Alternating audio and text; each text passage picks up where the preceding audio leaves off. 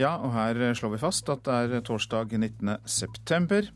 Nå klokka 6.30 er dette overskriften i Nyhetsmorgen. En person er pågrepet mistenkt for å ha stått bak en bombetrussel mot Bergen lufthavn Flesland i går. Den rød-grønne regjeringen advarer de borgerlige mot å gi asylbarna amnesti. Øygard-saken skal opp for Høyesterett i dag. Rune Øygard kommer til å følge saken, sier hans advokat Mette Yvonne Larsen. Det er klart at det kommer detaljer om hans situasjon og hans uh, historie, og han ønsker å få med seg det. Han ønsker å være til stede. Et større steinras gikk over fylkesvei 975 i Sirdal i Vest-Agder i går kveld. Ingen personer ble tatt av raset. Reis trygt hjem for en femtilapp. Det er tilbudet til ungdom som noen steder er blitt så populært at pengene er brukt opp.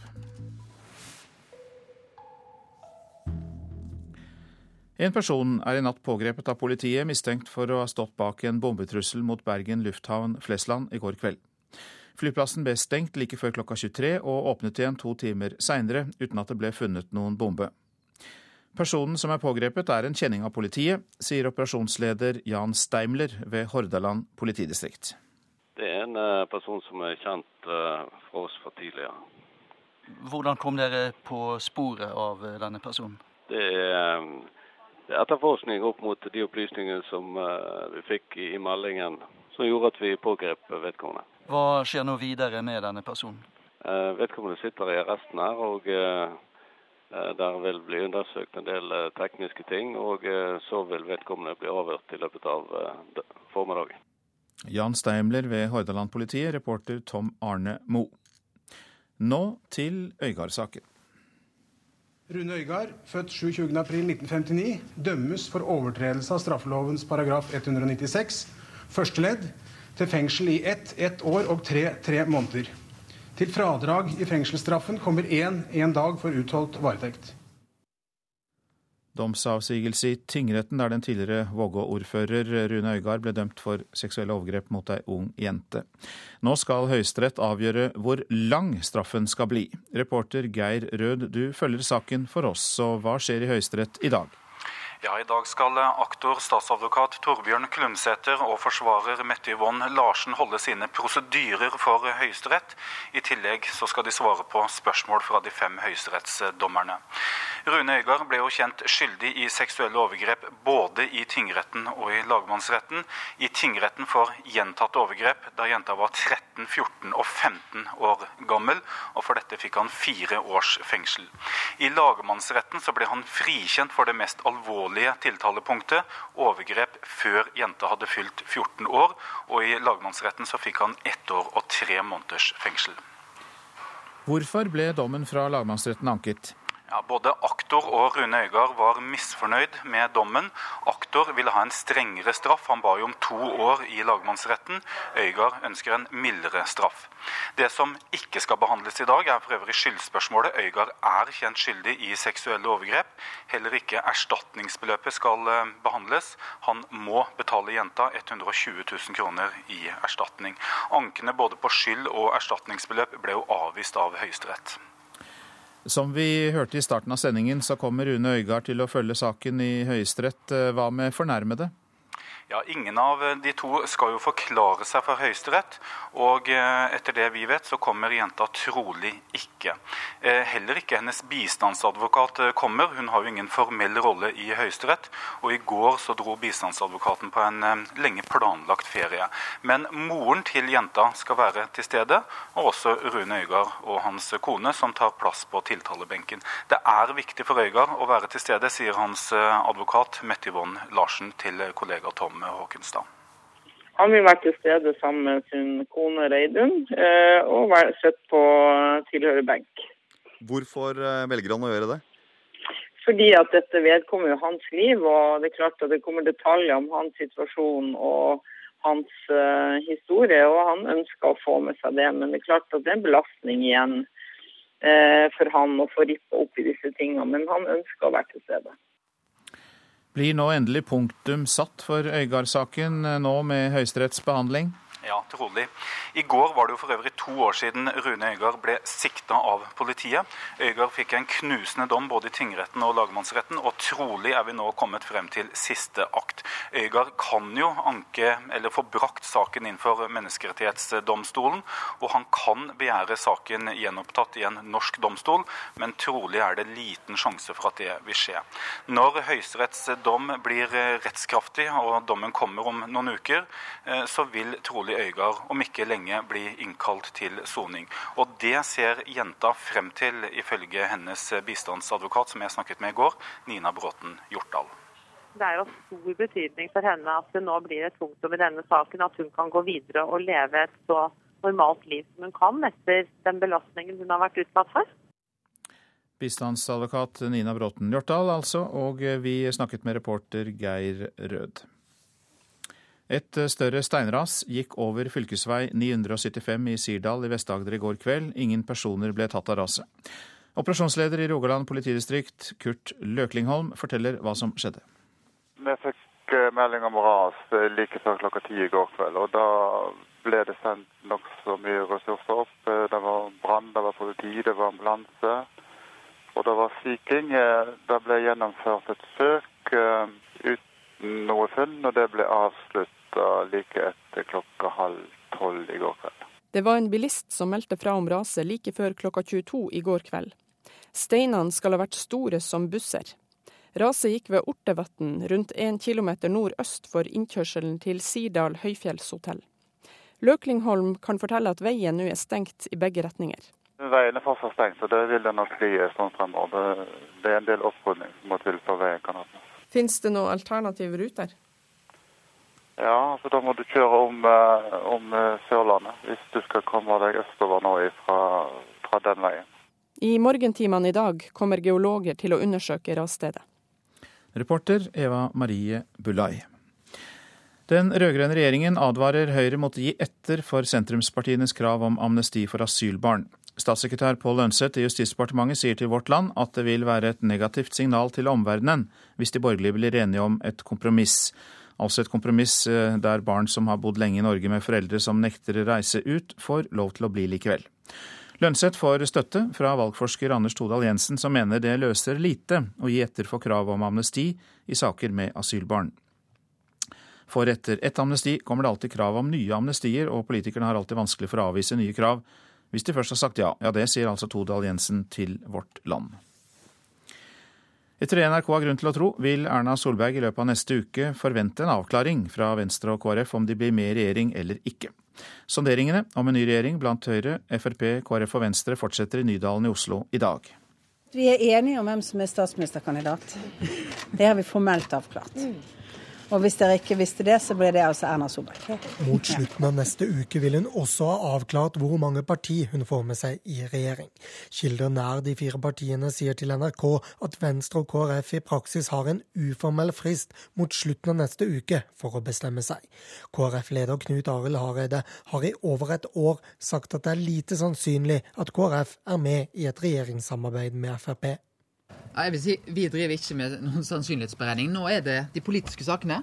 Eh, vi har kjempa for våre saker nå i valgkampen. De fire ikke-sosialistiske partilederne er gått i gang med en gjennomgang av ulike politiske saker. Alle temaer vil være gjennomgått i løpet av neste uke, så mot slutten av neste uke må partiene velge om de vil være med videre i forhandlinger om regjeringsplattform. Det tror jeg først vil komme når vi har på en måte gått igjennom ganske grundig, som vi gjør nå, alle ulike politikkområder. Og så ser vi hvor summen ligger for mulighetsrommet. Og da vil hvert enkelt parti summere opp hvor står vi nå. Kilder tett på forhandlingene sier til NRK at både Venstre og KrF fortsatt er avventende så lenge de kan. I Venstre er det stortingsgruppen i KrF landsstyret som formelt tar beslutningen om å være med i regjering eller ikke. Venstres gruppe og KrFs landsstyre venter på innkalling neste uke, når de vet hva de innledende samtalene har resultert i. Reporterne Lars Nehru Sand og Siv Sandvik følger regjeringsdannelsen for NRK. Tilbudet til ungdom om å reise trygt hjem for en femtilapp er blitt en suksess flere steder, men i Møre og Romsdal kan tilbudet med billig drosje hjem bli stoppet. For det har blitt for populært. Pengene er brukt opp. Samferdselssjef Arild Fugleseth prøver nå å finne mer penger, for han mener tilbudet er viktig for trafikksikkerheten. Ja, Det er en veldig god ordning for uh, ungdom som skal uh, reise hjem på kvelds- og nattestid i helgene til veldig mange kommuner i fylket. Og vi kan vel uh, si at det har vært en suksess. Det er veldig mange som bruker ordninga. Og det er jo i bunn og grunn et trafikksikkerhetstiltak. Dette tilbudet med at ungdom skal kunne ta ei drosje hjem for bare en 50-lapp, det kom i 2004. Det var mynta på ungdom ute i distriktskommuner som ikke hadde nattbuss eller andre kollektivtilbud for, for, ungdom til å komme seg hjem nattestid i helgene. Det fungerer på den måten at det er oppgitt et telefonnummer til eh, drosjesentralen i den enkelte kommune, og det er satt opp eh, en oversikt over eh, rutenettet. Før klokka ni om kvelden så må det ringes og bestilles tur, der ungdommer må planlegge når de skal hjem. Og når de bestiller, så står drosja klar når de skal reise hjem på, på natta. Og da gjerne flere ungdommer sammen i samme drosje? Eh, det, det, det blir mer og mer av, ja. Gjennom disse ni åra så har 18 000 ungdommer i Møre og Romsdal benytta seg av ordninga. I fjor var det nesten 3000 som brukte tilbudet, og bare i første halvår i år har 1800 ungdommer tatt drosje hjem for 50-lappen. Det sprenger rammene.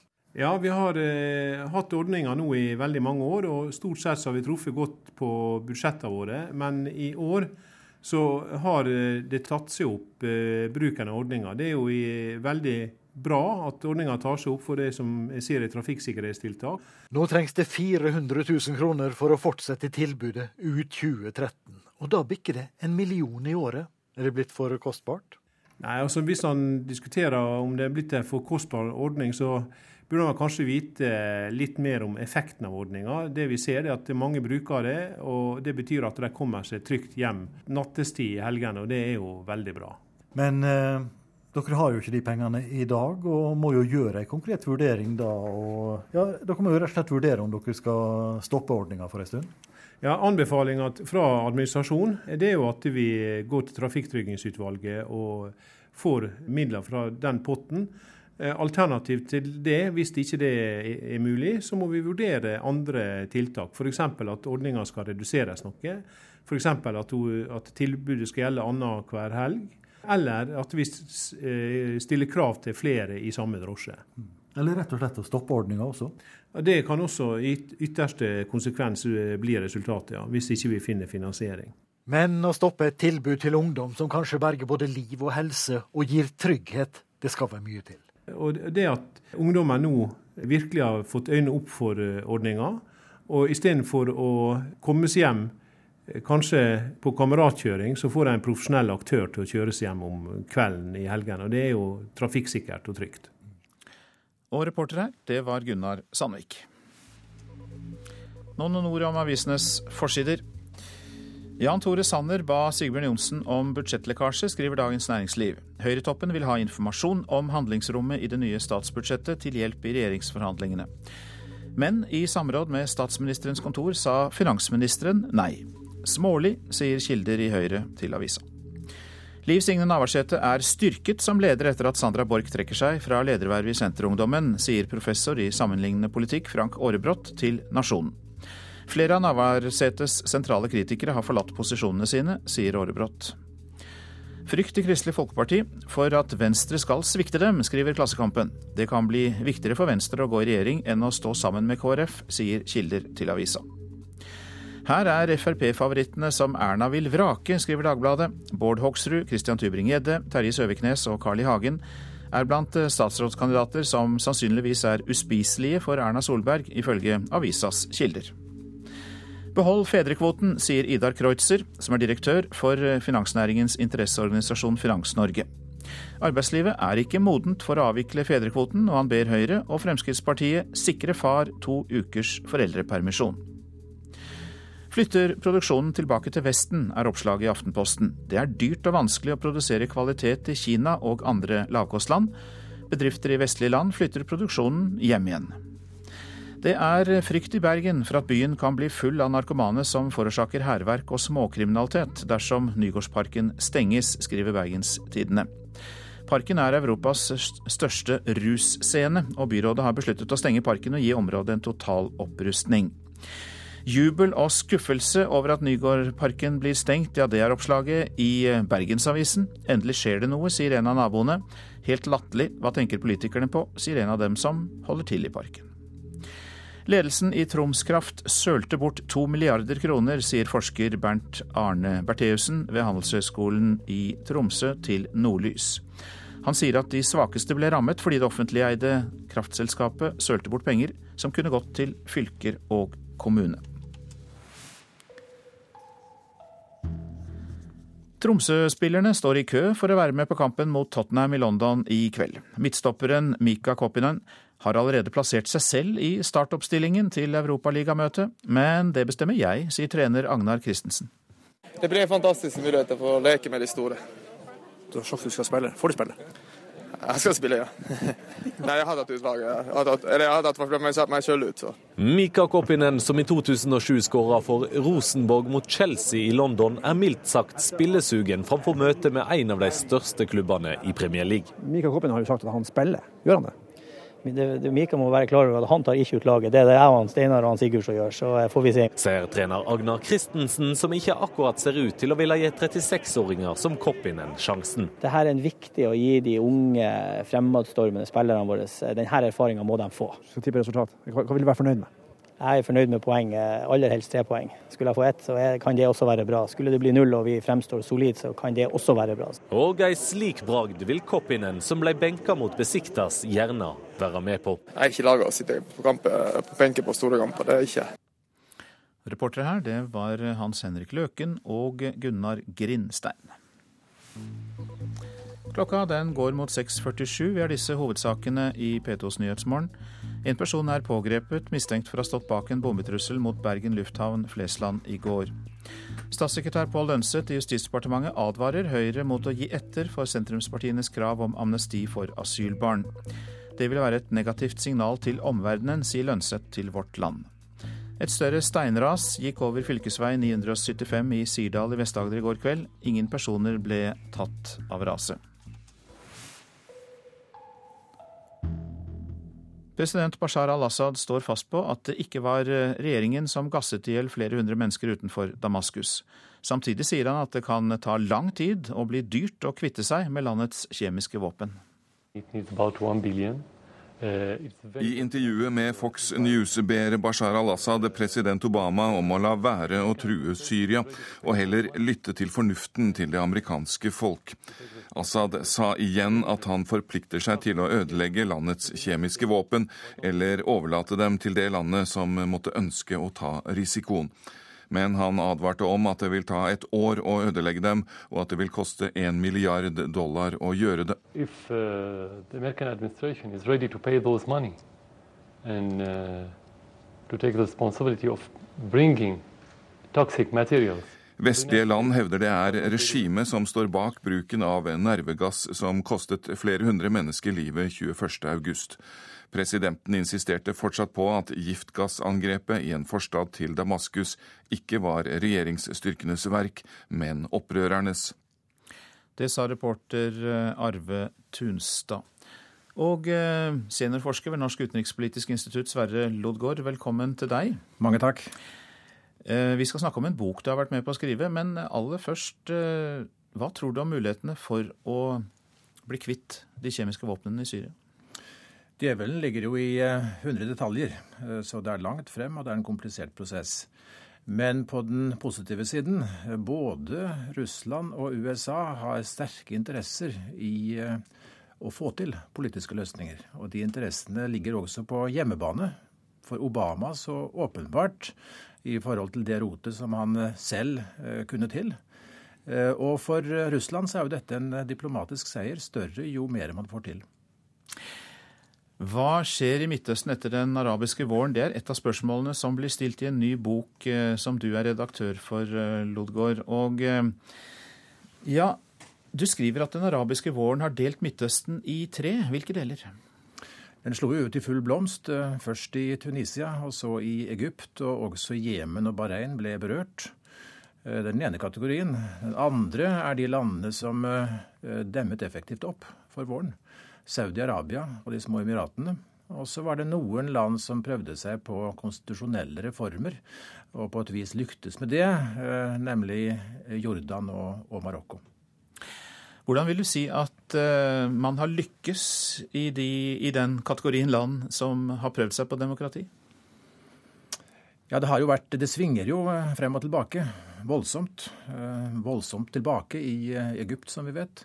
Men den arabiske våren sådde jo noen frø da, for demokrati og sivile rettigheter som ikke lar seg utslette, og som vil ligge der og påvirke utviklingen også i åra som kommer. Vi må regne med flere svingninger.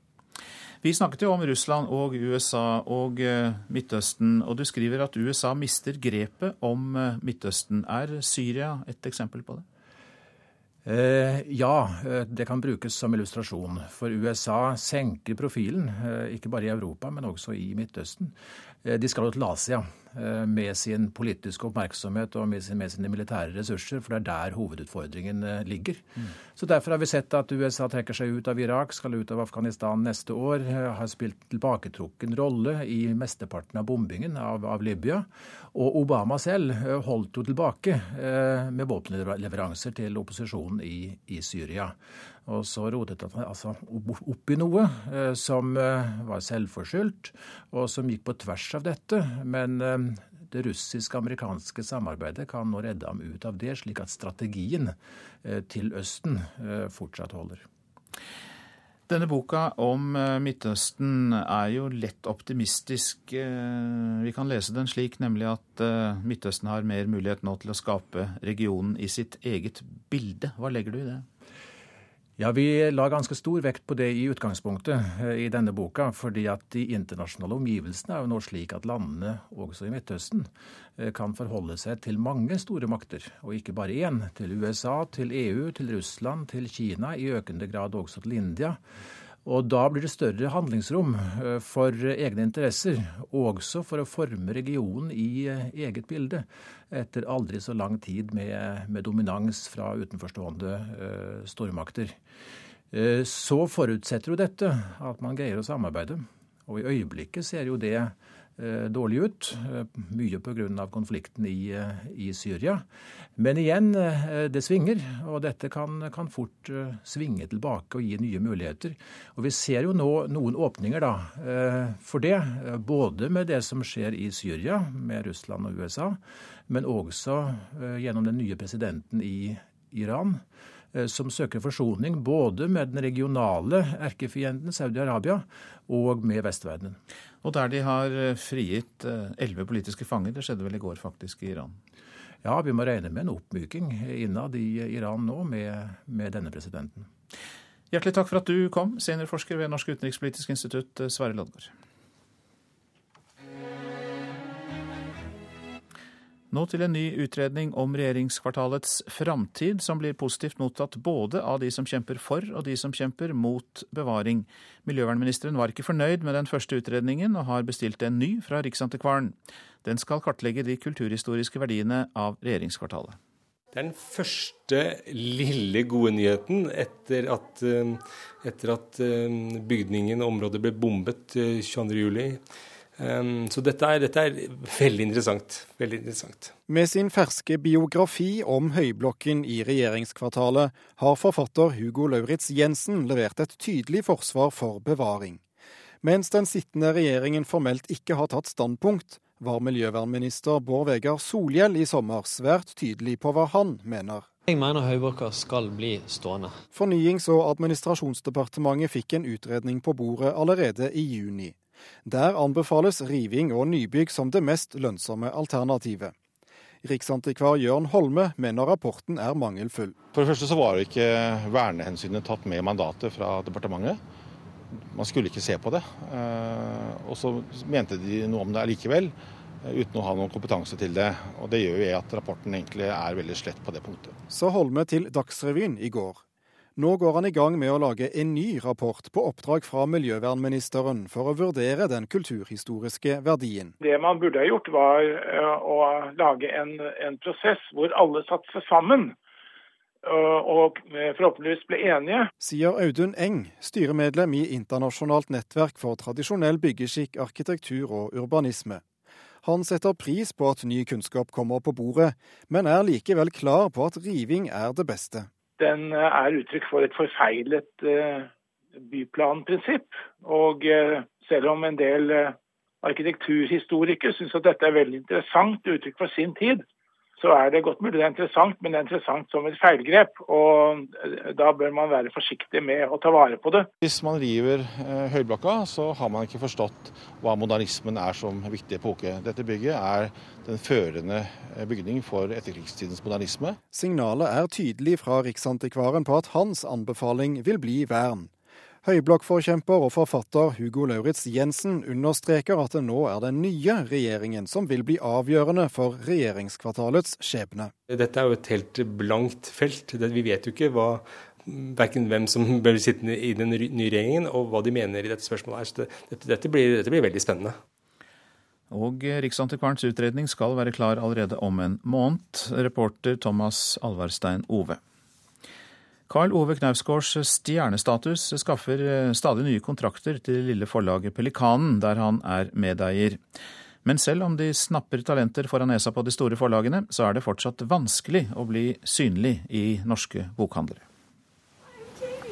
Nice to meet you, finally. Amerikanske Katie Kitamura tas imot i Stavanger av Eirik Bø, daglig leder i Pelikanen forlag, som holder til i byen, og som nå gir ut romanen hennes 'Gone to the Forest', eller 'Inn i skogene', som er den norske tittelen. Det er jo faktisk et Hamsun-sitat eh, som er utgangspunktet for tittelen. Den kom ut i USA i fjor, og etterfølger Kitamuras kritikerroste debut 'The Long Shot' fra 2009. Det er blitt en veldig fin bok, rett og slett. Nydelig omslag. Yeah, it's beautiful, my God. Omslaget er laget av Asbjørn Jensen, også han medeier sammen med Bø og brødrene Yngve og Karl Ove Knausgård. Um, really um, really fan of my struggle. Oh, I've only read the first two volumes, but I'm a really big fan, so it's it's very exciting to be published by um, a publishing house. That is Katie Kitamura er stolt over å bli gitt ut på Knausgårds forlag. Begeistret som hun er for The Struggle, som Min Kamp heter der borte. Pelikanen har gitt ut ti titler siden starten i 2010, og på høstlista står både Peter Hanke, selvbiografisk roman fra kultforfatter Stig Larsson og ny rockybok fra Kellermann. Knausgårds stjernestatus skaffer kontrakter som et lite forlag ellers ikke ville ha fått, sier Eirik Bø. Du må huske at når, når han øh, nå er publisert i all verdens land og reiser rundt og har forlagskontakter i omtrent alle vestlige land, så betyr jo det at han også bruker denne posisjonen til å få tips. Vi får jo tilgang på veldig mange gode manus. Og så håper vi å få på plass en trofast leseskare, og også at vi etter hvert får gjennomslag i bokhandelen. For det, det er jo ikke det at bøkene ikke er gode nok. Det er jo det at de er usynlige, sånn som bokbransjen er nå, da. Og eh, Anette Johansen Espeland var reporter. Været har vi ikke glemt, det kommer nå. Østlandet spredte regnbyger, perioder med sol, utrygt for eh, torden sør for Oslo. I kveld oppholdsvær. Og det kan bli lokal morgentåke. Telemark og Agder de får også lokal morgentåke. Det blir enkelte regnbyger, men også perioder med sol. I kveld stort sett opphold i Telemark og Agder. Rogaland dreiing til vestlig opp i frisk bris og regnbyger. I kveld lettere vær. Hordaland kan hende stiv kuling på kysten. Regnbyger vesentlig i ytre strøk. I kveld lettere vær. Sogn og Fjordane liten kuling på kysten. Regnbyger vesentlig i ytre strøk.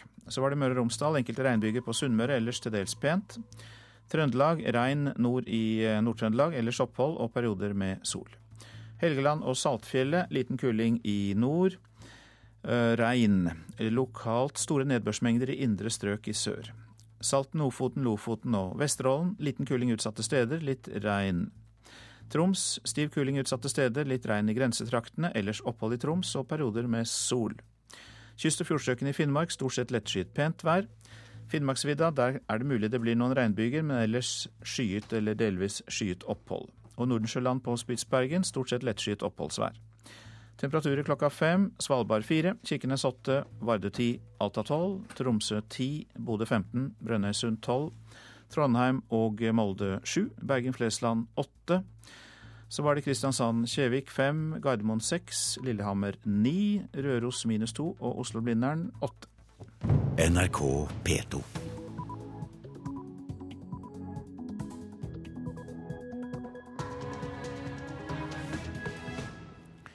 Det er klokka blitt eh, sju, og det er P2s Nyhetsmorgen du lytter til. Her er en eh, nyhetsoppdatering. Solfrid Stølen hadde hjerneblødning, men ble liggende på en benk i et hjørne på akutten i flere timer. Jeg håper inderlig at ingen slagpasienter i framtiden vil oppleve noe lignende. 83 000 pasienter ble skadd som følge av sykehusopphold i fjor. 800 000 ansatte risikerer lavere lønn dersom regjeringen følger NHOs forslag til endring i arbeidsmiljøloven. Og det er dårlig nytt for oss som jobber på sjokoladefabrikk, sier klubbleder på Freia, Gøran Nyberg, som mener dagens tillegg er nødvendige.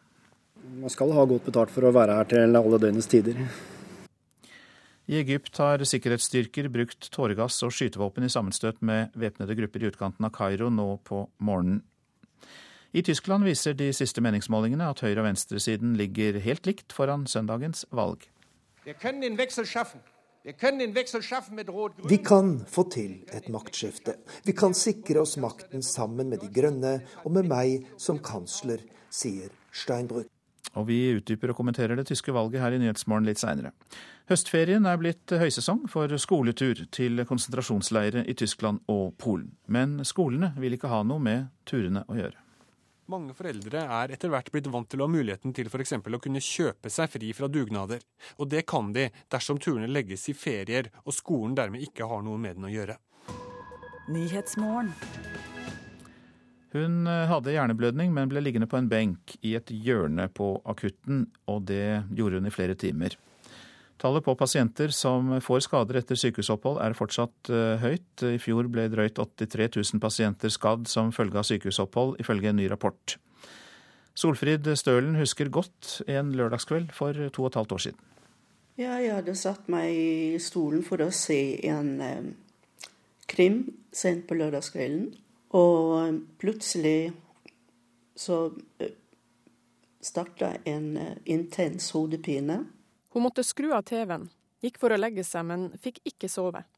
Etter å ha sett seg sjøl i speilet, skjønte hun at noe var alvorlig galt. For det ene øyet det var, var borte. Det var som det satt klistra igjen inn i, i ene øyekroken. Og så kikka jeg på pupillene mine, og de ble stående store og vide. De reagerte ikke på lys. Hun husker ikke hva som skjedde mellom klokka halv ett på natta og til hun sto i stua fullt påkledd og det var lyst ute. Det bar til legevakta, så til akuttmottaket på sykehuset. Så kom det vel en eh, pleier og eh, henviste meg til en benk i et hjørne. Hun ble liggende på benken i seks-sju timer uten tilsyn. I ettertid kom det frem at Stølen hadde en stor hjerneblødning. Jeg tror at en av utfordringene for Helse-Norge er å bruke de feilene som gjøres. At de gangene man opplever uønskede hendelser, så må man bli flinkere til å virkelig dykke ned i det som har skjedd, og finne ut hvorfor skjedde det, og hva kan vi gjøre for å hindre at det skal skje igjen. Det sier pasientombudet i Oslo, Anne Lise Christensen. I 2011 satte regjeringa i gang kampanjen I trygge hender, som har som mål å redusere pasientskader og forbedre sikkerheten for pasienter. En fersk rapport fra Nasjonalt kunnskapssenter for helsetjenesten anslår at 83 000 pasienter i fjor ble skada som følge av et sykehusopphold. Over halvparten alvorlig. Det er jo grunn til å tro at for fem og ti år siden var de enda høyere. Og denne åpenheten som nå er om at vi får rapportering, det er tillit hos de som jobber i sykehusene til at de faktisk rapporterer det som skjer, det er veien å gå for å få tallene ned. Det sier helseminister Jonas Gahr Støre. Han mener tallene er for høye, men at vi er på rett vei. Infeksjoner og feilmedisinering er årsaken til de fleste pasientskadene som fra 2011 til 2012 ble redusert fra nesten 94 000 til 83 000. Målet er å redusere pasientskader som kan forebygges, med 20 innen utgangen av 2013 og med 50% i løpet av fem år. Nå har jeg fornya den her på biblioteket tre ganger, så i morgen da utløper Etter hjerneblødninga klarer ikke Solfri å lese lenger enn en halvtime sammenhengende. Den tjukke boka på bordet foran henne rekker hun ikke å lese ut før biblioteket vil ha den tilbake. Hun kan heller ikke gå på kino eller være for lenge i festlig lag. Det blir for anstrengende for hodet. Det ble oppretta tilsynssak mot sykehuset. Nå har 71-åringen ett ønske. Jeg håper inderlig at ingen slagpasienter i framtiden vil oppleve noe lignende. Et ønske fra Solfrid Stølen. Reportere i denne reportasjen Eva Marie Bulai og Katrin Hellesnes. Åge K. Huseby, velkommen til deg. Jo, takk. Mm. Du er overlege ved Akershus universitetssykehus og nestleder i Akershus legeforening.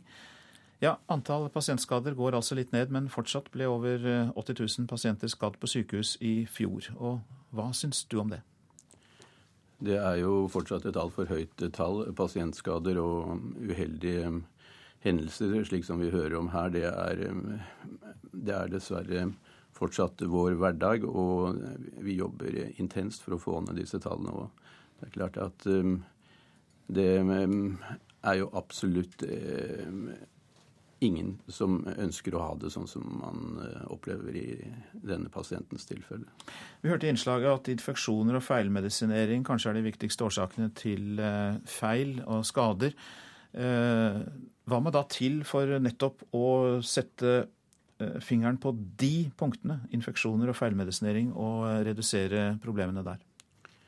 Jeg tror man fortsatt må jobbe kontinuerlig med kvalitetsforbedring i helsevesenet. Og vi har jo også påpekt eh, tidligere, både i hovedstadsområdet og resten av landet, at, er, at vi har en kapasitetsutfordring.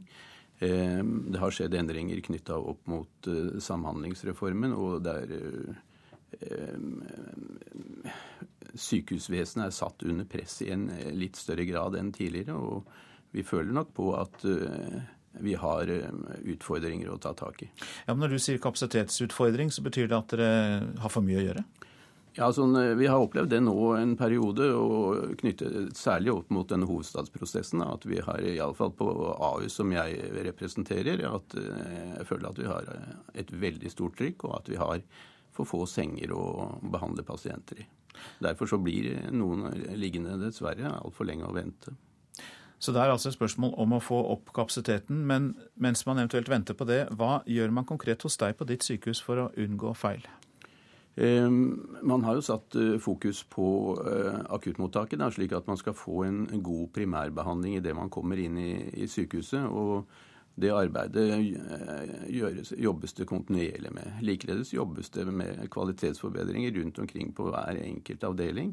Det er egne kvalitetsutvalg, og det er et, et, felles kvalitetsutvalg på eh, sykehuset som overser hva som foregår rundt omkring på de forskjellige avdelingene. Så det, det foregår et betydelig kvalitetsarbeid. Dere leger har jo av og til blitt beskyldt for å være en smule arrogante. Unnskyld at jeg sier det, men kan det tenkes at dere ikke innrømmer feil, og at det ligger noe der også? At man ikke tar opp i seg og inn på seg det som har skjedd? Jeg tror nok de fleste tar det veldig inn på seg at uh, man opplever eh, uheldige hendelser og pasientskader. Så, men det er det, det, blir jo et, et personlig nederlag for den enkelte. Og, og det, men arrogante rundt det hele, det, det, tror jeg ikke vi er. Altså. Men de fleste opplever en pasientskade som en stor personlig belastning. Mm. Takk for at du kom hit til Nyhetsmorgen, Åge K. Huseby, som altså er nestleder i Akershus legeforening og overlege ved Akershus universitetssykehus Ahus. 800 000 arbeidstakere som jobber utenom ordinær arbeidstid, det blir særlig rammet hvis den nye regjeringen følger rådene fra NHO Mat og drikke. Klubbleder på Freia fabrikker, Gøran Nyberg, sier forslaget er dårlig nytt for de som jobber skift på sjokoladefabrikken. Hvis dette skal bli, eh, gå inn i ordinær arbeidstid, så vil jo alle de tilleggene vi har for de periodene forsvinne. At Vi vil ikke få den gode betalinga som vi har i dag. Så Hva vil det ha å si da for overtidsbetaling f.eks.? Når vi jobber en lørdag, så er jo det 100% betalt. Det vil jeg tro at vi ikke vil få når, hvis dette blir en vanlig arbeidsdag. Det samme må jo gjelde på søndager også, som er enda bedre betalt. Tillegg kan forsvinne, overtid bli avspasering. NHO Mat og Drikke har som Dagsrevyen fortalte i går, sendt en huskeliste til partiet Venstre. Her ber NHO-forbundet den nye regjeringen bl.a. om å endre overtidsbestemmelsene. Det ligger jo også i kortet her at de også vil unngå dette med å betale for ubekvem arbeidstid. For mange så er dette viktig å få med seg som en ekstra inntekt. Sier Jan Egil Pedersen, forbundsleder i Norsk nærings- og nytelsesarbeiderforbund. Dette blir jo et rått løp fra arbeidsgiver hvis dette skal bli vedtatt. Tall fra SSB viser at flere enn 800 000 jobber utenom såkalt ordinær arbeidstid. Det er særlig denne gruppen som blir direkte berørt dersom regjeringen innfører endringene som NHO Mat og Drikke foreslår. Det du oppnår er at du har en større fleksibilitet i forhold til de arbeidsoppgavene som kommer inn. Det er snakk om å skape et mer fleksibelt arbeidsliv, sier Lars Jakob Hiem, direktør for arbeidsliv i Næringslivets hovedorganisasjon. Fordi det handler om å jobbe smartere, skape mer verdier. På bekostning av de ansatte, da? Nei, ikke på bekostning. I samarbeid med de ansatte. Det du oppnår, er at du har en større fleksibilitet i forhold til de arbeidsoppgavene som kommer inn. Det er jo sånn at Mange bedrifter har veldig varierende når eh, arbeidsoppgaver skal løses. I forhold til kunder, i forhold til at du har kontakt med andre deler av verden, eller innenfor vi har sett flere eksempler innenfor eh, omsorgssektoren, hvor det er sånn at eh, pasienter ønsker å forholde seg til færre personer over kortere tid. Så det er mange tilfeller hvor dette er en hensiktsmessig måte å løse arbeidslivet arbeidstiden på. På Freia fabrikker gir de ikke fra seg tilleggene uten kamp. Ja, det vil, det vil, jo bli billigere for arbeidsgivere å produsere varer hvis vi skal miste alle de tilleggene vi har. For det, det er klart det koster dem mye i dag med de skifttilleggsordningene som vi har. Det er ikke for godt betalt i dag, da? Man skal ha godt betalt for å være her til alle døgnets tider. Reportere Sindre Heyerdahl og Line Tomter. Og det er jo slik at eh, ja, lønn og overtid er eh, viktig nok, men renter er også viktig. Har du boliglån, så kan det være grunn til å følge med på sentralbanksjefen i dag, for om noen timer så forteller sjefen for Norges Bank hva som skal skje med styringsrenta. Seniorøkonom i Handelsbanken, Kari Due Andresen, hva tror du er mest sannsynlig?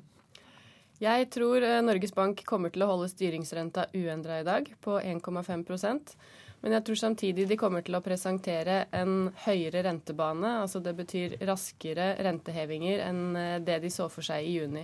Og det er fordi at norsk inflasjon har vært så mye høyere enn det de trodde i juni. Vi har faktisk inflasjon på målet nå.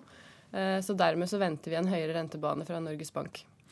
Når du sier at vi har inflasjon eller prisstigning på målet, er det det målet som regjeringen har satt, eller Norges Bank har satt for eh, prisstigning? Ja, Norges Bank har jo et mandat eh, om å styre mot et inflasjonsmål på 2,5 mm. eh, Kjerneinflasjonen, sånn som de måler den og sånn som de styrer etter, er nå i august på 2,5 eh, det er 100 prosentpoeng over det Norges Bank trodde den skulle være. De ventet 1,5 Sånn at nå er vi på inflasjonsmålet flere år før Norges Bank så for seg. Og vi mener dette må bidra til at Norges Bank vil eh, signalisere raskere rentehevinger enn det de gjorde i juni. Så man får eh, ikke pose og sekk, men snarere motsatt. Man får både høyere priser og høyere rente? Ja, det kan se sånn ut nå. Eh, det ser ut som inflasjonen er delvis presset opp av at kronekursen har svekket seg gjennom året. Og hvis dette vedvarer, så vil jo også inflasjonen kunne fortsette å holde seg høy. Og da vil Norges Bank måtte stramme til renteskruen raskere enn de har sett for seg tidligere. De som da sitter på mye gjeld og hører dette, har jo litt tid på seg. Hva bør de nå gjøre før renta eventuelt stiger neste år? Nei, altså De som har mye gjeld nå, de vil jo da kunne merke at en større del av deres inntekt går til rentebetalinger. Nå ser ikke vi for oss at denne oppjusteringen fra Norges Bank skal være veldig aggressiv, fordi veksten i norsk økonomi har vært litt svakere siden juni, faktisk, og det begrenser da hvor raskt Norges Bank kan sette opp sine renter. Eh, så vi tror ikke at eh, norske husholdninger har stor grunn til frykt enda. Nei, og så understreker vi vel det vi startet med, Kari Due Andresen, at uh, det blir sannsynligvis ikke noe endring i dag. Nei, i dag så holder de antagelig renten uendret. I juni så la de faktisk inn en 50 sannsynlighet for at de kunne kutte renten i dag. Eh, men gitt den inflasjonen vi har hatt, så tror vi det er utelukket, og at de holder renten uendret på 1,5. Men en rentebane mot økning neste år, som dere ville formulert det? Ja, vi tror renteøkningen kanskje kan komme i juni neste år istedenfor uh, i desember, som de så for seg sist. Da håper vi folk har fått med seg det. Hjertelig takk, seniorøkonom i Handelsbanken, Kari Due Andresen. Dette er Nyhetsmorgen, og klokka den er om få sekunder kvart over sju, og vi har disse hovedsakene. Over 80 000 pasienter fikk skader under sykehusopphold i eh, fjor. Sentrumspartiene må bestemme seg neste uke om de vil være med i regjering eller ei. Det sier kilder til NRK. Og 800 000 ansatte risikerer lavere lønn dersom regjeringen følger NHOs forslag til endringer i arbeidsmiljøloven.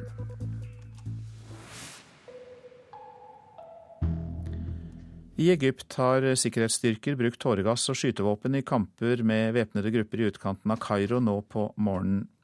Sikkerhetsstyrker stormet området for å pågripe personer som anklages for å ha satt fyr på politistasjoner og drept flere politifolk i opptøyene etter at president Mohammed Morsi ble styrtet i juli. Nå til Tyskland, for um, de siste meningsmålingene viser at høyre- og venstresiden ligger helt likt foran søndagens valg, og det kan bety at det går mot en deling av makten mellom de to største partiene igjen, Kristeligdemokratene og Sosialdemokratene. Angela Merkel fortsetter etter alt å dømme som forbundskansler. Det har vært en tung valgkamp for sosialdemokratenes kanslerkandidat Per Steinbrück. Men her på valgmøtet i fødebyen Hamburg slår han an en optimistisk tone. Vi kan få til et maktskifte.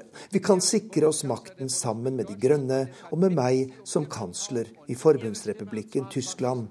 Og derfor ber jeg dere om deres tillit og deres stemme søndag den 22. september, sier Steinbrück.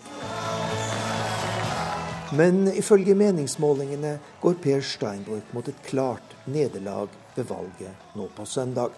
Hans parti, Sosialdemokratene, ligger an til å få bare rundt 25% av stemmene, mot rundt 40% for Kristeligdemokratene og Angela Merkel. Etter åtte år ved makten er Angela Merkel fortsatt Tysklands mest populære politiker, og hennes økonomiske resultater er et sterkt kort i valgkampen. Da jeg ble forbundskansler høsten 2005, hadde vi den påfølgende vinteren over fem millioner arbeidsløse. Men tallet har sunket kraftig, og de siste fire årene alene har vi fått 1,6 millioner nye registrerte arbeidsforhold her i Tyskland, sier forbundskansler Angela Merkel.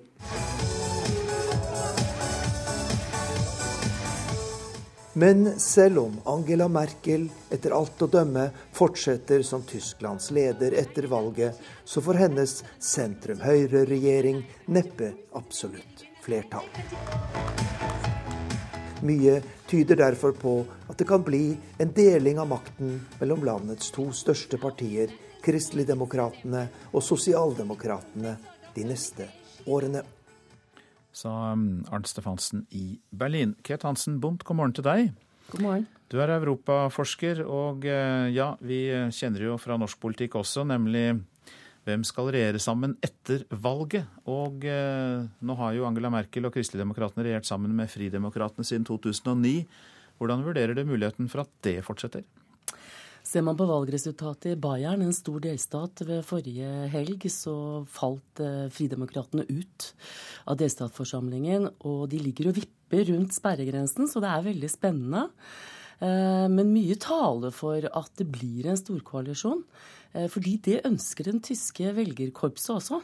Så det blir spennende å se. Altså mellom sosialdemokratene og kristeligdemokratene. Og Slike storkoalisjoner ser vi jo ikke så mye av i andre land, så hva gjør Tyskland spesielt her? Vi har ikke sett det så ofte i Tyskland heller. Det er to ganger i etterkrigsperioden. Det var en fra 1966 til 69, hvor eh, Kurt Georg Kiesinger, CDU-kansler, regjerte sammen med utenriksminister Willy Brandt fra SPD. Og så hadde vi altså Merkels første regjering, eh, som var sammen med sosialdemokratene. Det tappet sosialdemokratene for mye støtte. Eh, og hun eh, rasket med seg en del av deres politiske program, faktisk, eh, etter den perioden. Så jeg tror ikke sosialdemokratene er så veldig fornøyd med det, men de vil nok heller regjere enn å bli sittende i opposisjon i forbundsdagen. Så det kan bli aktuelt. Men vi hørte likevel i innslaget at sosialdemokratene helst vil ha med seg De grønne i en egen koalisjon, med dem som den store partner. Hva er sannsynligheten for det? Den er veldig liten, fordi de får ikke flertall sammen. Da må de ha med seg eh, De Linke, Venstrepartiet, som er etterfølgerne fra DDR-staten. Fortsatt noen gamle kommunister som sitter der, og avskallinger fra SPD fra tidligere splittelser av partiet. Og det ønsker de ikke. Eh, så at man får en rød-grønn koalisjon, det er det lite som tyder på akkurat nå, to dager før valget. Men tilbake til denne lille koalisjonspartner, de liberale fridemokratene, som Angela Merkel har regjert med i det siste. Hva er grunnen til at eh, denne koalisjonspartneren sliter så veldig nå? De fikk jo 14,6% ved valget i 2009. Det var deres beste valg noensinne. De gikk til valg på skattekutt. Eh, noen måneder senere så kommer eurokrisen for full fart inn i tysk politikk, og Angela Merkel må si nei, nei, ikke noe skattekutt. Og der har de på en måte brutt sitt fremste løfte. Og så har det vært en del interne stridigheter i, eh, i partiledelsen. Og de har tapt eh, samtlige delstatsvalg i løpet av de siste fire årene. Nok fordi man har stridd med eh, eurokrisen, kommet opp med gode eh, svar der. Men også fordi at det, de ble da fratatt sitt fremste valgløfte. Da kan det altså være snipp, snapp, snute denne omgang for Fridemokratene. Men eh, til slutt, da, hvis det blir en storkoalisjon mellom Sosialdemokratene og Kristeligdemokratene, hva kan vi forvente av politikk fra dem? Det er ikke så veldig mye som skiller dem, faktisk. Det gjelder i veldig mange moderne mm, velferdsstater at sentrum i politikken er blitt veldig tett. Eh, de stjeler litt eh, saker av hverandre. Sosialdemokratene har selvsagt en tradisjonell mer utjevningspolitikk internt i økonomien. Eh, når det gjelder europapolitikken, så er det egentlig lite som skiller dem. Også der litt mer solidaritet i retorikken. Men når det kommer til det handlingsrommet man har, så er ikke det så veldig stort til å forme en ny politikk. Mange takk for at du kom til Nyhetsmorgen, europaforsker Kate Hansen Bundt. Og det er altså valg i Tyskland på søndag. Så skal jeg si litt om det avisene skriver. Ikke gi asylbarna amnesti, sier Arbeiderpartiets Pål Lønseth til Vårt Land. Statssekretæren advarer Høyre og Fremskrittspartiet mot å lytte til Venstre og Kristelig Folkeparti. Det ville være et negativt signal til utenverdenen dersom barn som har bodd lenge i Norge med foreldre som nekter å reise ut, får lov til å bli, sier den avtroppende statssekretæren. Jan Tore Sanner ba Sigbjørn Johnsen om budsjettlekkasje, skriver Dagens Næringsliv. Høyretoppen vil ha informasjon om handlingsrommet i det nye statsbudsjettet til hjelp i regjeringsforhandlingene. Men i samråd med statsministerens kontor sa finansministeren nei. Smålig, sier kilder i Høyre.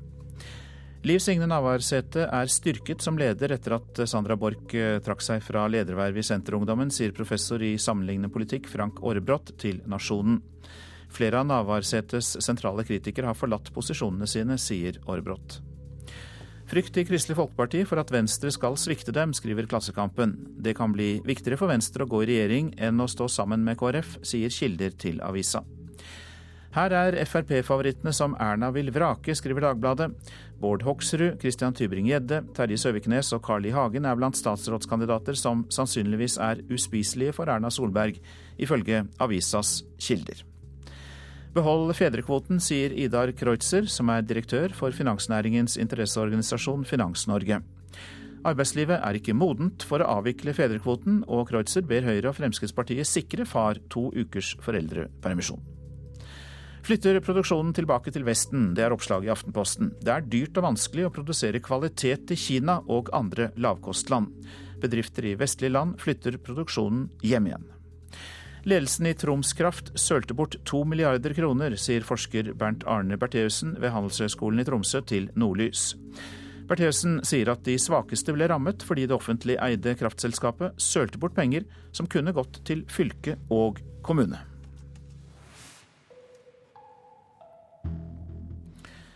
Høstferien er blitt høysesong for skoleturer til konsentrasjonsleirene i Tyskland og Polen. Mange skoler vil ikke ha noe med disse skoleturene å gjøre, og de overlater til foreldre å samle inn penger og bestille reisen på egen hånd. For uh, turarrangørene har nesten alle turene nå blitt konsentrert til høstferien. Um, etter at vi har sendt en bekreftelse til skolene, så skal det bestilles opp ferger, hoteller, spisesteder. Så skal vi bestille opp busser som passer til det antallet. Det er hektisk i lokalene til organisasjonen Hvite busser i Porsgrunn. Inger Martinsen og de andre står foran årets mest hektiske uker. For mens turene tidligere ble spredd over hele året, sier nå mange skoler nei til å være en del av turene. Det gjør at man må reise i høstferien, og det syns vi er veldig leit. De tre ukene det er høstferie i landet, skal organisasjonen sende av gårde 76 busser og fly til de tidligere konsentrasjonsleirene i Tyskland og Polen. Omkring 4000 sengeplasser til fortrinnsvis 9. og 10. klassinger blir booket. Ja, Det er ikke fritt for at en trenger å sitte litt ekstra for å få unna alt som skal gjøres. Aktive fredsreiser og hvite busser er spesielt organisasjoner som merker at mange skoler nå ikke lenger vil bruke tid på reisene deres, og overlater det til foreldregruppene. Ifølge daglig leder i Hvite busser, Ole Jonny Hansen, er årsaken at det er blitt vanskeligere å ta elevene ut av undervisninga de dagene turene pågår, og at dårlig kommuneøkonomi sammen med gratisprinsippet gjør finansieringa av turene vanskelig. Hvite busser er en ideell stiftelse. Og Intensjonen er at vi skal kunne eh, gi kunnskap om menneskeverd, menneskerettigheter og demokrati via disse turene våre. Og vi skal få elevene til å bli i større grad kompetente til å ta verdivalg, bli bedre på sine verdihandlinger når de kommer hjem igjen. Noe som de tar med seg videre i liv. Og Da er det veldig veldig trist at skolene abdiserer blir borte fra dette her. Mange foreldre er etter hvert blitt vant til å ha muligheten til f.eks. å kunne kjøpe seg fri fra dugnader. Og det kan de dersom turene legges i ferier og skolen dermed ikke har noe med den å gjøre. Fylkesmannen og kanskje også kommun, kommunale myndigheter må fortolke dette gratisprinsippet utvidende istedenfor kun å fortolke det innskrenkende, som vi vel tenker at det gjøres nå. Hjemsø skole i Skien er ifølge rektor Ole Geir Hoppestad den eneste skolen i Skien som reiser på tur i skoletida med hvite busser. For det første så er det en bra opplevelse og en bra tur for elevene og en god, en god oppdragelse for elevene å få den, opp, få den turen. Men uh, grunnen til Hjemsø skolen er at det er en lang tradisjon for å gjøre det. og Jeg bare varer videre den tradisjonen som har vært her i mange år. Du ser ikke noe problematisk ved at eh, foreldre og elever selv må samle inn penger til disse turene? Jo, det er en sånn gråsone som ikke er helt ok. Men uh, samtidig så er alle så fornøyd med hvordan de har gjort på Gjemse skole fra før. Så uh, jeg har ikke villet uh, bryte den tradisjonen for noe som alle opplever som positivt. For Hoppestad er det avgjørende at foreldre og elever skaffer pengene til turen selv, og at dette gjøres etter dugnad. Leder for Hovedutvalg for oppvekst i Skien, Siv Dalen, sier at selv om målet er bra, kan man ikke tillate at foreldre eller elever betaler for turer i skolens regi. Hovedutvalget har sendt ut en presisering om dette til skolene i kommunen. Ja, Det viktige med eh, at man ikke krever betaling av eh, elever eller foreldre, er at man har en, en samme mulighet til å oppleve det samme i eh, fellesskolen vår. Det er jo et gratisprinsipp i opplæringsloven. Og vi ønsker ikke at det, det, skal være ulike muligheter ut fra ulike lommebøker det enkelte familie måtte ha. Så det er ligger fast hos oss. Ja, det sa leder i hovedutvalg for oppvekst i Skien kommune, Siv Dalen. Og reporter her, det var eh, Lorentz Berg. Du lytter til eh, Nyhetsmorgen. Redskins og Lions. Du kan høre mer om navn på amerikanske fotballklubber i reportasjen etter Dagsnytt. Endringer i arbeidsmiljøloven skal debatteres i Politisk kvarter. Der blir det også en oppdatering om regjeringssonderingene mellom de borgerlige partiene. Prosent for Nyhetsmorgen, det er Tonje Grimstad. Her i studio Øystein Heggen. Og har du tips eller kommentarer, så er vår e-postadresse nyhetsmorgen krøllalfa nrk.no, altså nyhetsmorgen krøllalfa nrk.no. Og så vil jeg gjerne minne om et websted Radio NRK.no det er eh, webstedet for eh, alt mulig fra NRK radio. Både direktesendinger, du kan spole deg bakover og høre sendingen tre timer tidligere. Og du kan hente ned eh, spesielle programmer du er interessert i. Så radio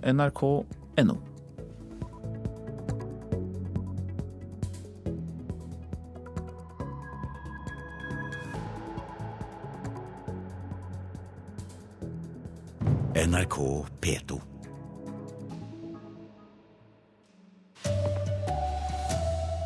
Hele 83 000 pasienter ble skadet etter sykehusopphold i fjor, men tallene går nedover. Bombetrussel stengte flyplassen på Flesland. Nå er en mann pågrepet. Og etter dårlig landslagsform vil Drillo bytte formasjon. Her er NRK Dagsnytt, klokken er 7.30. Ja, hun hadde hjerneblødning, men ble liggende på en benk i et hjørne på akuttmottaket i flere timer. Antallet skader går ned, men i fjor høst ble drøyt 83 000 pasienter skadet som følge av feil gjort på sykehusene, ifølge en ny rapport. Solfrid Stølen husker godt en lørdagskveld for to og et halvt år siden. Og da husker jeg at jeg tenkte hva nå hvis det blør i hodet, eller det har bløtt i hodet? Er det da greit at jeg går her, er oppegående? Så jeg var også redd. Det er to og et halvt år siden, men hendelsen har satt spor. All sosial aktivitet er begrenset. Å lese eller se på TV orker hun bare korte perioder. Alt er slitsomt, så jeg er begrensa i alle aktiviteter. Senere har hun fått vite at hjerneblødningen skjedde litt etter litt. Og det har jeg tenkt på ofte, at den blødningen litt etter litt har kanskje forårsaka at omfanget av hjerneblødningen ble større enn om den ville ha vært om jeg fikk behandling med en gang. I rapporten fra Nasjonalt kunnskapssenter for helsetjenesten er anslaget altså 83 000 pasientskader i fjor, over halvparten alvorlige. For mye, sier helseminister Jonas Gahr Støre. Ja, det er mye, men det var altså mer, og tallene går ned. Og eh, det er jo da knyttet til infeksjoner, ting som kan oppstå på sykehus i et, i et slikt miljø. Eh, og som det krever altså hardt arbeid fra de som jobber der for å bekjempe. Infeksjoner og feilmedisinering er årsak til de fleste skadene, som nå blir rapportert i forbindelse med en kampanje for pasientsikkerhet. Det er jo igjen denne veldig systematiske rapporteringen, og ikke minst at vi har tilliten hos de som jobber i sykehusene, at de faktisk rapporterer det som skjer, at vi kan ta tak i det. Ja, og Reportere her var Katrin Hellesnes og Eva Marie Bulai. De 800 000 arbeidstakerne som jobber utenom ordinær arbeidstid, blir særlig rammet hvis den nye regjeringen følger rådene fra NHO Mat og Drikke. Klubbleder på Freia Fabrikker, Gøran Nyberg, sier forslagene er dårlig nytt for de som jobber skift på sjokoladefabrikken. Hvis dette skal bli, gå inn i ordinær arbeidstid, så vil jo alle de tilleggene vi har for de periodene forsvinne. At vi vil ikke få den gode betalinga som vi har i dag. Så Hva vil det ha å si da for overtidsbetaling f.eks.? Når vi jobber en lørdag, så er jo det 100% betalt. Det vil jeg tro at vi ikke vil få når, hvis dette blir en vanlig arbeidsdag. Det samme må jo gjelde på søndager også, som er enda bedre betalt. Tillegg kan forsvinne, overtid bli avspasering. NHO Mat og Drikke har som Dagsrevyen fortalte i går, sendt en huskeliste til partiet Venstre. Her ber NHO-forbundet den nye regjeringen bl.a. om å endre overtidsbestemmelsene. Det ligger jo også i kortet her at de også vil unngå dette med å betale for ubekvem arbeidstid. For mange så er dette viktig å få med seg som en ekstra inntekt. Sier Jan Egil Pedersen, forbundsleder i Norsk nærings- og nytelsesarbeiderforbund. Dette blir jo et rått løp fra arbeidsgiver hvis dette skal bli vedtatt. Tall fra SSB viser at flere enn 800 000 jobber utenom såkalt ordinær arbeidstid. Det er særlig denne gruppen som blir direkte berørt dersom regjeringen innfører endringene som NHO Mat og Drikke foreslår. Det du oppnår er at du har en større fleksibilitet i forhold til de arbeidsoppgavene som kommer inn. Det er snakk om å skape et mer fleksibelt arbeidsliv, sier Lars Jakob Hiem, direktør for arbeidsliv i Næringslivets hovedorganisasjon. Fordi det handler om å jobbe smartere, skape mer verdier. På bekostning av de ansatte, da? Nei, ikke på bekostning. I samarbeid med de ansatte. Reportere var Sindre Heierdal og Line Tomter. Høyre-leder Erna Solberg forventer en avklaring i løpet av neste uke om KrF og Venstre vil være med i regjering eller ikke. Det forteller kilder nær de fire partiene. Høyre, Frp, Kristelig Folkeparti og Venstre fortsetter regjeringssamtalene i Oslo i dag. Vi er enige om hvem som er statsministerkandidat. Det har vi formelt avklart. Og hvis dere ikke visste det, så ble det altså Erna Solberg. Mot slutten av neste uke vil hun også ha avklart hvor mange parti hun får med seg i regjering. Kilder nær de fire partiene sier til NRK at Venstre og KrF i praksis har en uformell frist mot slutten av neste uke for å bestemme seg. KrF-leder Knut Arild Hareide har i over et år sagt at det er lite sannsynlig at KrF er med i et regjeringssamarbeid med Frp. Jeg vil si, Vi driver ikke med noen sannsynlighetsberegning. Nå er det de politiske sakene. Eh, vi har kjempa for våre saker nå i valgkampen. De fire ikke-sosialistiske partilederne er gått i gang med en gjennomgang av ulike politiske saker. Alle tema vil være gjennomgått i løpet av neste uke, så mot slutten av neste uke må partiene velge om de vil være med videre i forhandlinger om regjeringsplattform. Det tror jeg først vil komme når vi har på en måte gått igjennom ganske grundig, som vi gjør nå, alle ulike politikkområder. Og så ser vi hvor summen ligger for mulighetsrommet. Og da vil hvert enkelt parti summere opp hvor står vi nå. Kilder tett på forhandlingene sier til NRK at både Venstre og KrF fortsatt er avventende så lenge de kan. I Venstre er det stortingsgruppen i KrF landsstyret som formelt tar beslutningen om å være med i regjering eller ikke. Venstres gruppe og KrFs landsstyre venter på innkalling neste uke, når de vet hva de innledende samtalene har resultert i. Ja, våre reportere Lars Nehru Sand og Siv Sandvik eh, følger regjeringsdannelsen. En av Irans mest profilerte politiske fanger, menneskerettsadvokaten Nasrin Sotode, er eh, løslatt. Norge er blant landene som lenge har jobbet for å få henne fri.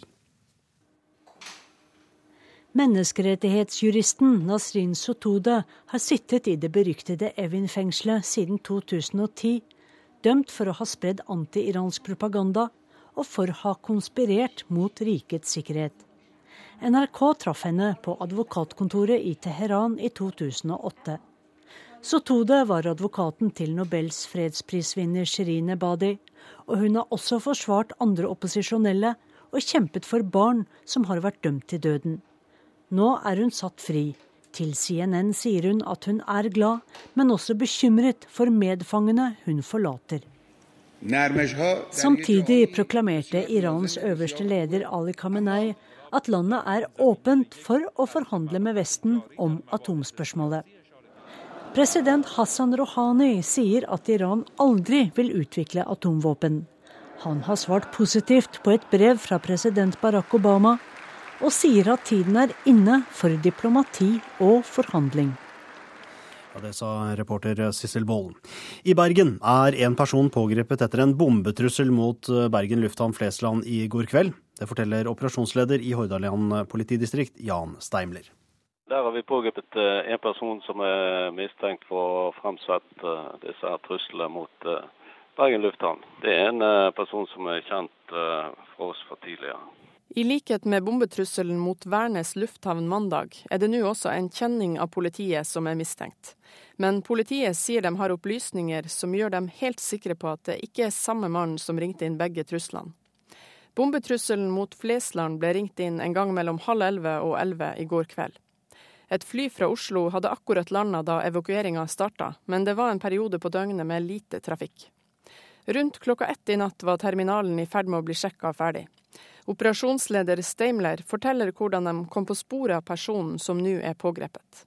Det er etterforskning opp mot de opplysningene som eh, vi fikk i meldingen, som gjorde at vi pågrep vedkommende.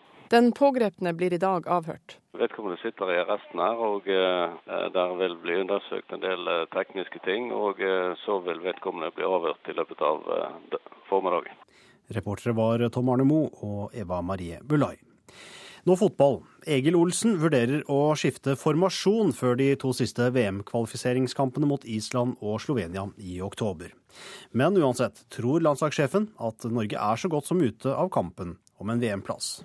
Jeg har ikke lyst til å nevne navn, men eh, det var veldig få som kan du si var helt opp mot sitt beste. Lite fornøyd med spillerne som tapte 2-0 for Sveits på Ullevål i sist VM-kvalifiseringskamp. Og nå vurderer mannen som har ansvar for laguttak og strategi, å endre formasjon i de to siste kampene for å få Norge tilbake på vinnersporet. Vi har antageligvis nå ikke de helt typiske indreløperne som vi har eh, brukt veldig mye i 4-5-1. Så det kan bety at f.eks. en 4-2-3-1, eventuelt 4-4-2. VM-sjansene, da? Hva tenker du om dem nå?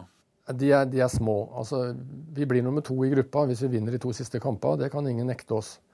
Og, men i tillegg så må vi da ha litt hjelp fra den Danmark-gruppa med et par resultater som går vår vei der også. Totalen er naturligvis eh, at sjansene er, eh, er små.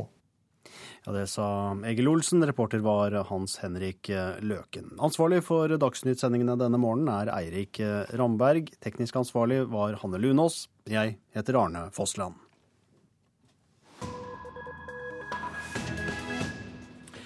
Ja, det skal dreie seg om kallenavn på amerikanske fotballklubber her i eh, Nyhetsmorgen.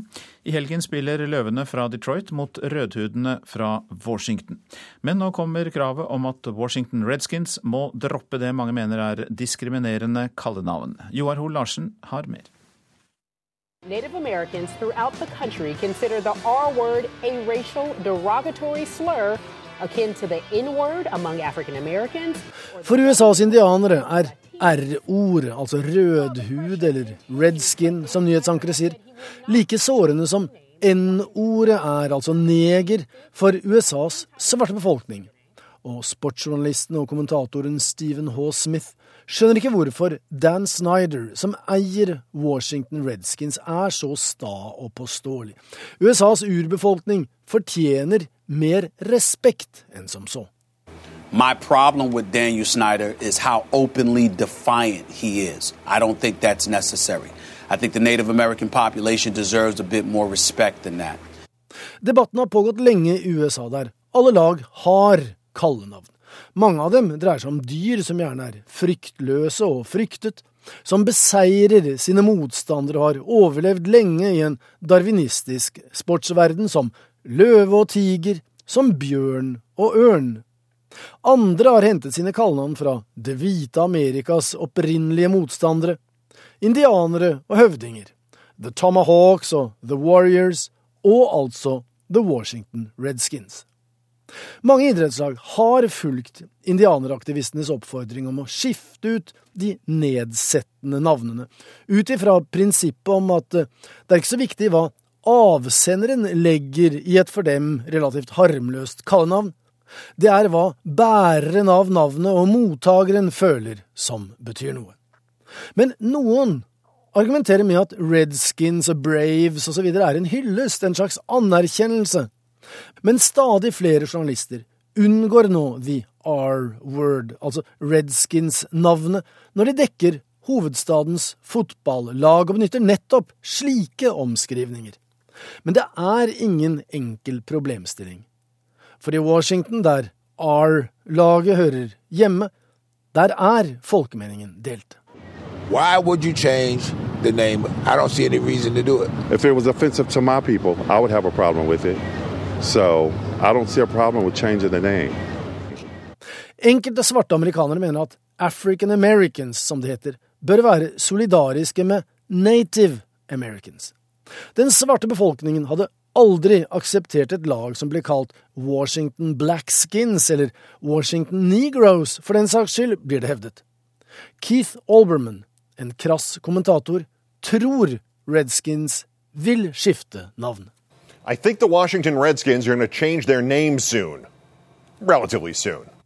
Skifte navn, ja, men han kan ikke si når.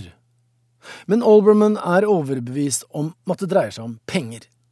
Indianerne er en helt ubetydelig minoritet i USA hva antall angår. Som fotballinteresserte indianere boikotter kampene til hovedstadslaget, så vil det knapt nok merkes. På samme måte som Redskins i 1962 heller ikke hadde svarte spillere i troppen. Det var først da presset ble tilstrekkelig og inntektene var i fare, at de tok et riktig valg, på grunn av pengene. Og sånn blir det nå også, sier Keith Olbermann. 1962. The Redskins only did the right thing for money. Just as they will only do this right thing for money. Dette er hovedsaken i Nyhetsmorgen. Hele 83 000 pasienter ble skadd etter sykehusopphold i fjor, men tallet går nedover. Mann pågrepet etter at bombetrussel stengte flyplassen på Flesland. Og Egil Olsen vurderer å endre Drillo-stilen før neste landskamp. I Politisk kvarter diskuterer dere hva som kan bli konsekvensene av en ny arbeidsmiljølov. Håvard Grønli? Ja, Blir det etterlengta fleksibilitet for arbeidstakeren, eller blir det all makt til arbeidsgiver?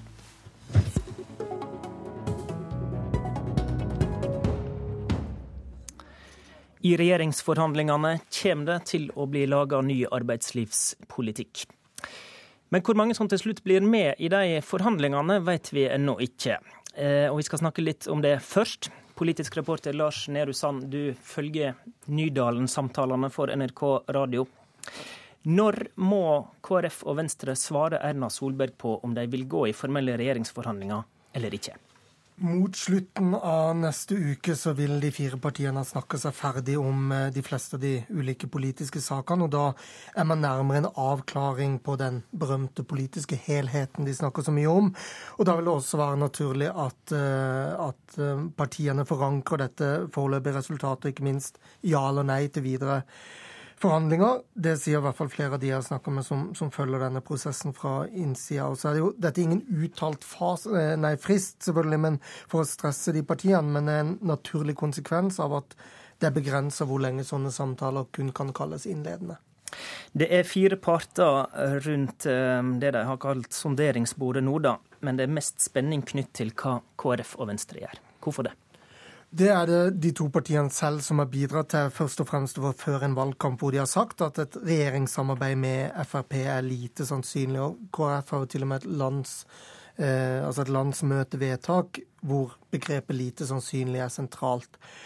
Men så har KrF og Venstre samtidig lova å sette seg ned og være konstruktive i samtaler med alle fire partiene hvis valgresultatet la til rette for det. Så det er jo det som da pågår nå.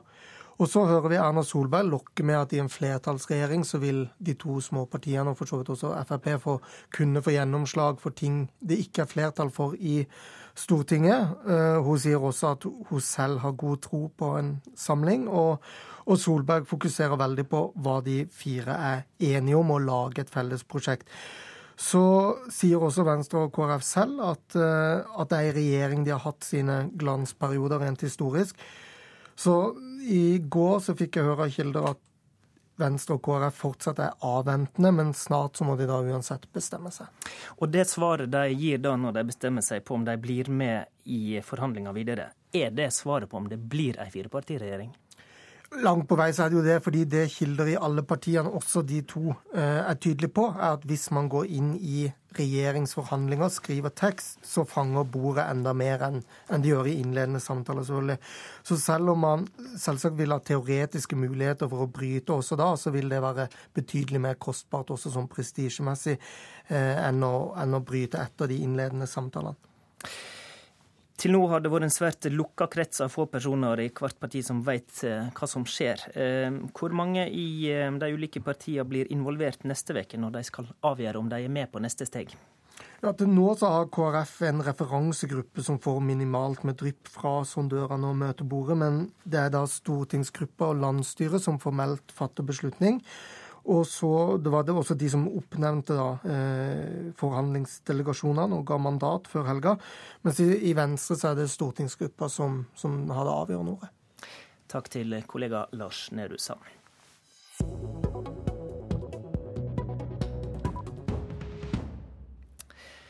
Og de fire som um, sonderer, de får nå mengder med kravlister i innboksen. NHO Mat og Drikke si ønskeliste til Venstre-lederen havna i media.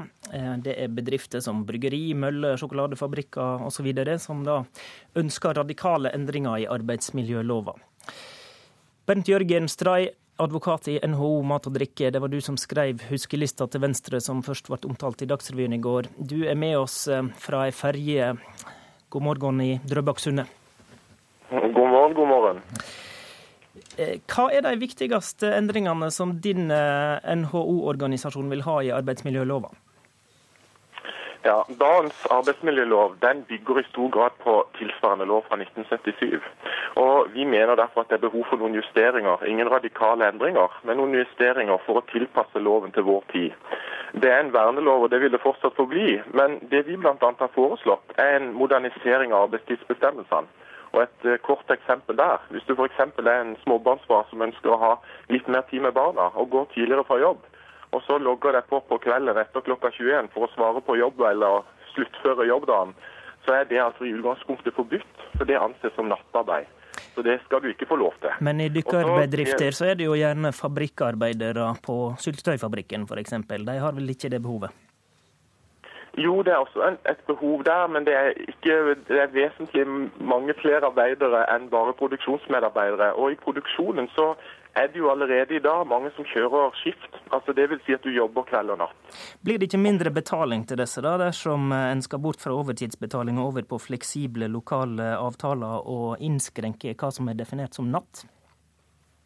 Nei, eh, Betalinga sier loven ingenting om. Er, det eneste som reguleres i arbeidsmiljøloven er overtidsbetaling. Altså Når du pålegges av din arbeidsgiver å jobbe utover den normale arbeidstida. Eh, dette som går på ulempetillegg og sånn, det er regulert i tariffavtaler mellom oss som en arbeidsgiverorganisasjon og arbeidstagerorganisasjonene. Og De avtalene vil jo fremdeles gjelde. Eh, og endringer der det må forhandles fram mellom partene. Vil det kunne være positive økonomiske konsekvenser for bedriftene av de eh, lovendringene dere tar til orde for? Det vil være positive konsekvenser sånn som vi ser det, både for arbeidstakerne og for bedriftene. Og det vi ser er jo at de verden har endra seg både teknologisk og også hvordan eh, f.eks. familiene er sammensatt. Eh, og Det gjør at det er behov for et større grad av fleksibilitet. og Mange av våre bedrifter opplyser også at eh, arbeidstakerne forventer faktisk å få fleksibilitet i jobben. Ei huskeliste etter et møte, det er vel noe en sender hvis en er enig om noe. Er det sånn at Venstre har lova arbeidsgiversida å kjempe for disse tingene du snakker om her? Nei, vi har hatt hadde for vel ett til halvannet år siden et møte med bl.a. de borgerlige partiene. Eh, hvor vi, eh, eller med, med, hvert enkelt parti, hvor vi ga noen innspill til saker som var viktige for oss. Og så hadde vi også har vi hatt to møter med statssekretæren i, altså den nåværende statssekretæren i Arbeidsdepartementet og tidligere, hvor vi har snakka om de samme sakene. Så dette, dette har vi vært åpne om å snakke om til politiske partier i lange tider. Eh, og Det er sånn som det er med en organisasjon som oss, at vi prøver å fremme de sakene som vi mener at våre medlemmer er tjent med. Her i studio er Jan Egil Pedersen, du leder forbundet som organiserer arbeidstakerne i denne, denne sektoren, Nærings- og nytelsesmiddelarbeiderforbundet i LO. Du sier du reagerer på disse kravene med vantro. Hva er det du er så redd for? Jeg blir jo provosert når jeg leser den smørbrødlista som eh, NHO her har sendt over til, eh, til Venstre. Altså, dette er jo en eh, provokasjon mot vanlige arbeidsfolk. Og jeg kjenner overhodet ikke igjen den problemstillinga som Bernt Jørgen Strei drar opp her i forhold til å svare på mail etter klokka ni om kvelden. Aldri hørt noen av mine medlemmer har sagt at dette er et problem. Hva er det som er så provoserende? Altså Fleksible eh, arbeidsgivere sånn som det er beskrevet her, betyr eh, da mindre lønn til de ansatte. Og Et av forslagene her kan jeg se også går ut på det at de skal kunne avtale direkte med den enkelte ansatte over eh, hvordan de skal jobbe. Og Det er også å undergrave hele det systemet vi har bygd opp gjennom mange år, med tillitsvalgte og bedrift som skal ta seg av sånne spørsmål. Men du mener det blir mindre penger i lommeboka av det, rett og slett? Ja, det skinner jo gjennom meg hele tida. Altså økt fleksibilitet betyr mindre penger til de ansatte. Men bør vi ha ei arbeidsmiljølov som gjør oss alle til lovbrytere hvis vi sender en e-post etter klokka 21? Jeg opplever ikke at dette er noe stort problem i det hele tatt, jeg for uh, dine mine medlemmer i hvert fall. Og uh, dette er oppkonstruerte problemstillinger som jeg også har hørt uh, Trine Skei Grande har fremheva på et møte som jeg var på, nettopp i NHO mat og drikke. Jeg skjønner ikke den problemstillinga. Vi vender oss til politikerne. Vi har med oss Karin Andersen i SV og Sveinung Rotevatn, påtroppende stortingsrepresentant for Venstre. Eh, Rotevatn, du hører arbeidstakersida sin skepsis. Er det et mål for Venstre å få gjennom eh, flere av kravene som NHO Mat og Drikke ønsker? Var det første at Nå skal vi ta og komme oss litt ned på jorda og senke skuldrene. Eh, det som har vært saken på NRK nå, er en innspill vi har fått fra NHO. De sender oss innspill på lik linje med mange andre organisasjoner, eksempelvis også LO. LO sendte innspill i går om å begynne å bore i Lofoten, Vesterålen og Senja. Det er en dårlig idé. Og vi lurer, og vi på, hva dere, og vi lurer på hva dere vil. Ja, Når det gjelder den lista som NHO har sendt over ting de syns er lurt å gjøre, så er jo vi enig i noen av punkter, og noen av punktene er vi uenige i. Det er ingen hemmeligheter her. Venstre har foreslått um, det vi er enige i på Stortinget. Gått til valg på det stortingsprogrammet. Det vi ikke er enige i, har vi ikke foreslått. Hva støtter du? Vi er f.eks. For, for å forenkle reglene om gjennomsnittsutrekning eh, av arbeidstid noe. Det handler bl.a. om at veldig mye av det her, inkludert det punktet, er jo på mange måter lov i dag dersom det er tariffavtale. Eh, det vi ønsker, er i større grad likebehandling av de arbeidstakerne som har tariffavtale, og de som ikke har det. I dag er det vel ca. halvparten som har tariff. Um, Men Blir det ikke mindre betaling av det, sånn som LO-forbundet her frykter? Nei, Det det først og fremst fører til, er at det blir enklere for f.eks. bedrifter i oppstartsfasen. Det blir enklere når en skal drive med innovasjonssatsinger. Og tillate at en kan jobbe mer i kortere perioder for å jobbe mindre i andre perioder. Det er ingen som foreslår her å øke den totale arbeidsmengden som er lov å jobbe, verken på eh, kortere eller lengre sikt, men at en kan ha gjennomsnittsutrekning i større grad, slik en bl.a. har dersom en har tariffavtale. Er ikke det fint Karin Andersen, at eh, en arbeidstaker kan avtale med arbeidsgiver og jobbe slik eh, som det passer?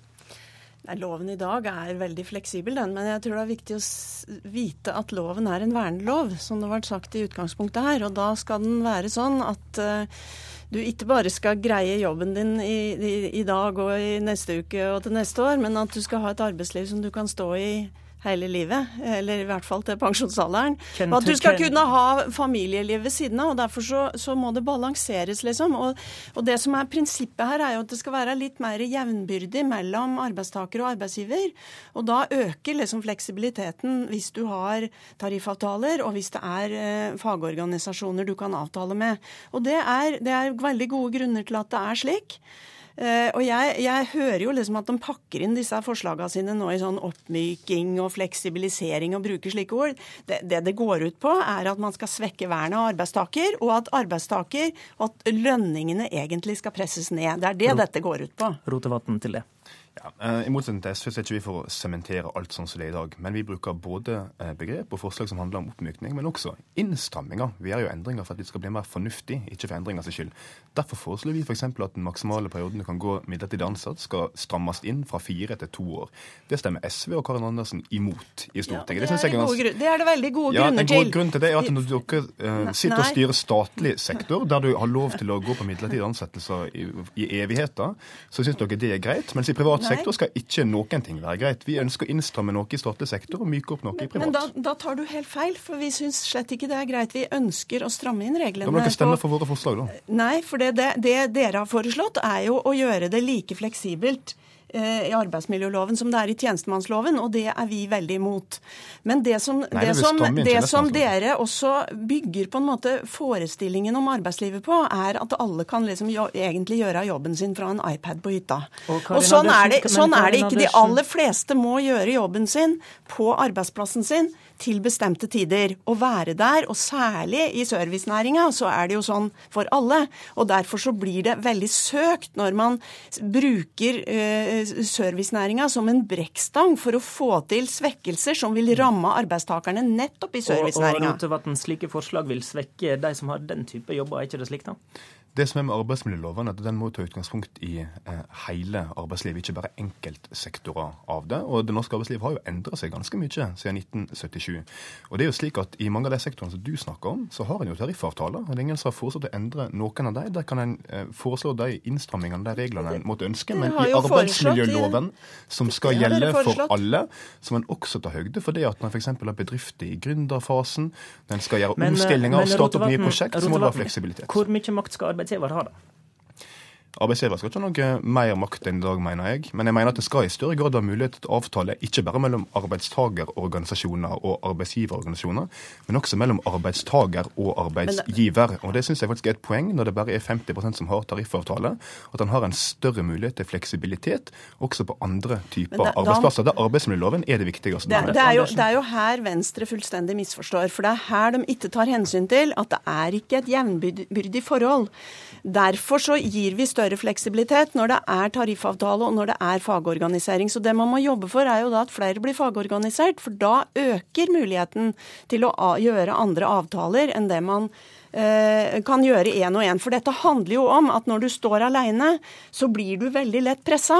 Og særlig hvis du da liksom skal få ansvaret for at denne her bedriften skal gå. Da veit vi at folk blir pressa, og de blir pressa mye mer enn det helsa holder. Og det er noe som heter honningfella òg, og den har mange gått i og blitt sjuke. Og etterpå så sitter vi da og diskuterer hvorfor så mange blir sjukmeldte. Jeg syns det er greit at det er en del fleksibilitet for de som har tariffavtale, men jeg syns også det skal kunne være mulighet for fleksibilitet for andre, som er en stadig større del av arbeidslivet vårt. Der må vi også ta høyde for i arbeidsmiljøloven. Og Da kan en ikke på automatikk være mot alle forslag til både oppmykninger og innstramminger, slik SV er, som er tilpassingen til et moderne arbeidsliv. Det foreslår Venstre, og det jobber vi for i regjeringsforhandlinger. Og det som er sikkert, er at det kommer en eh, ny arbeidsmiljøpolitikk etter hvert. Det var Politisk kvarter. I studio, Håvard Grønli. Hør flere podkaster på nrk.no podkast.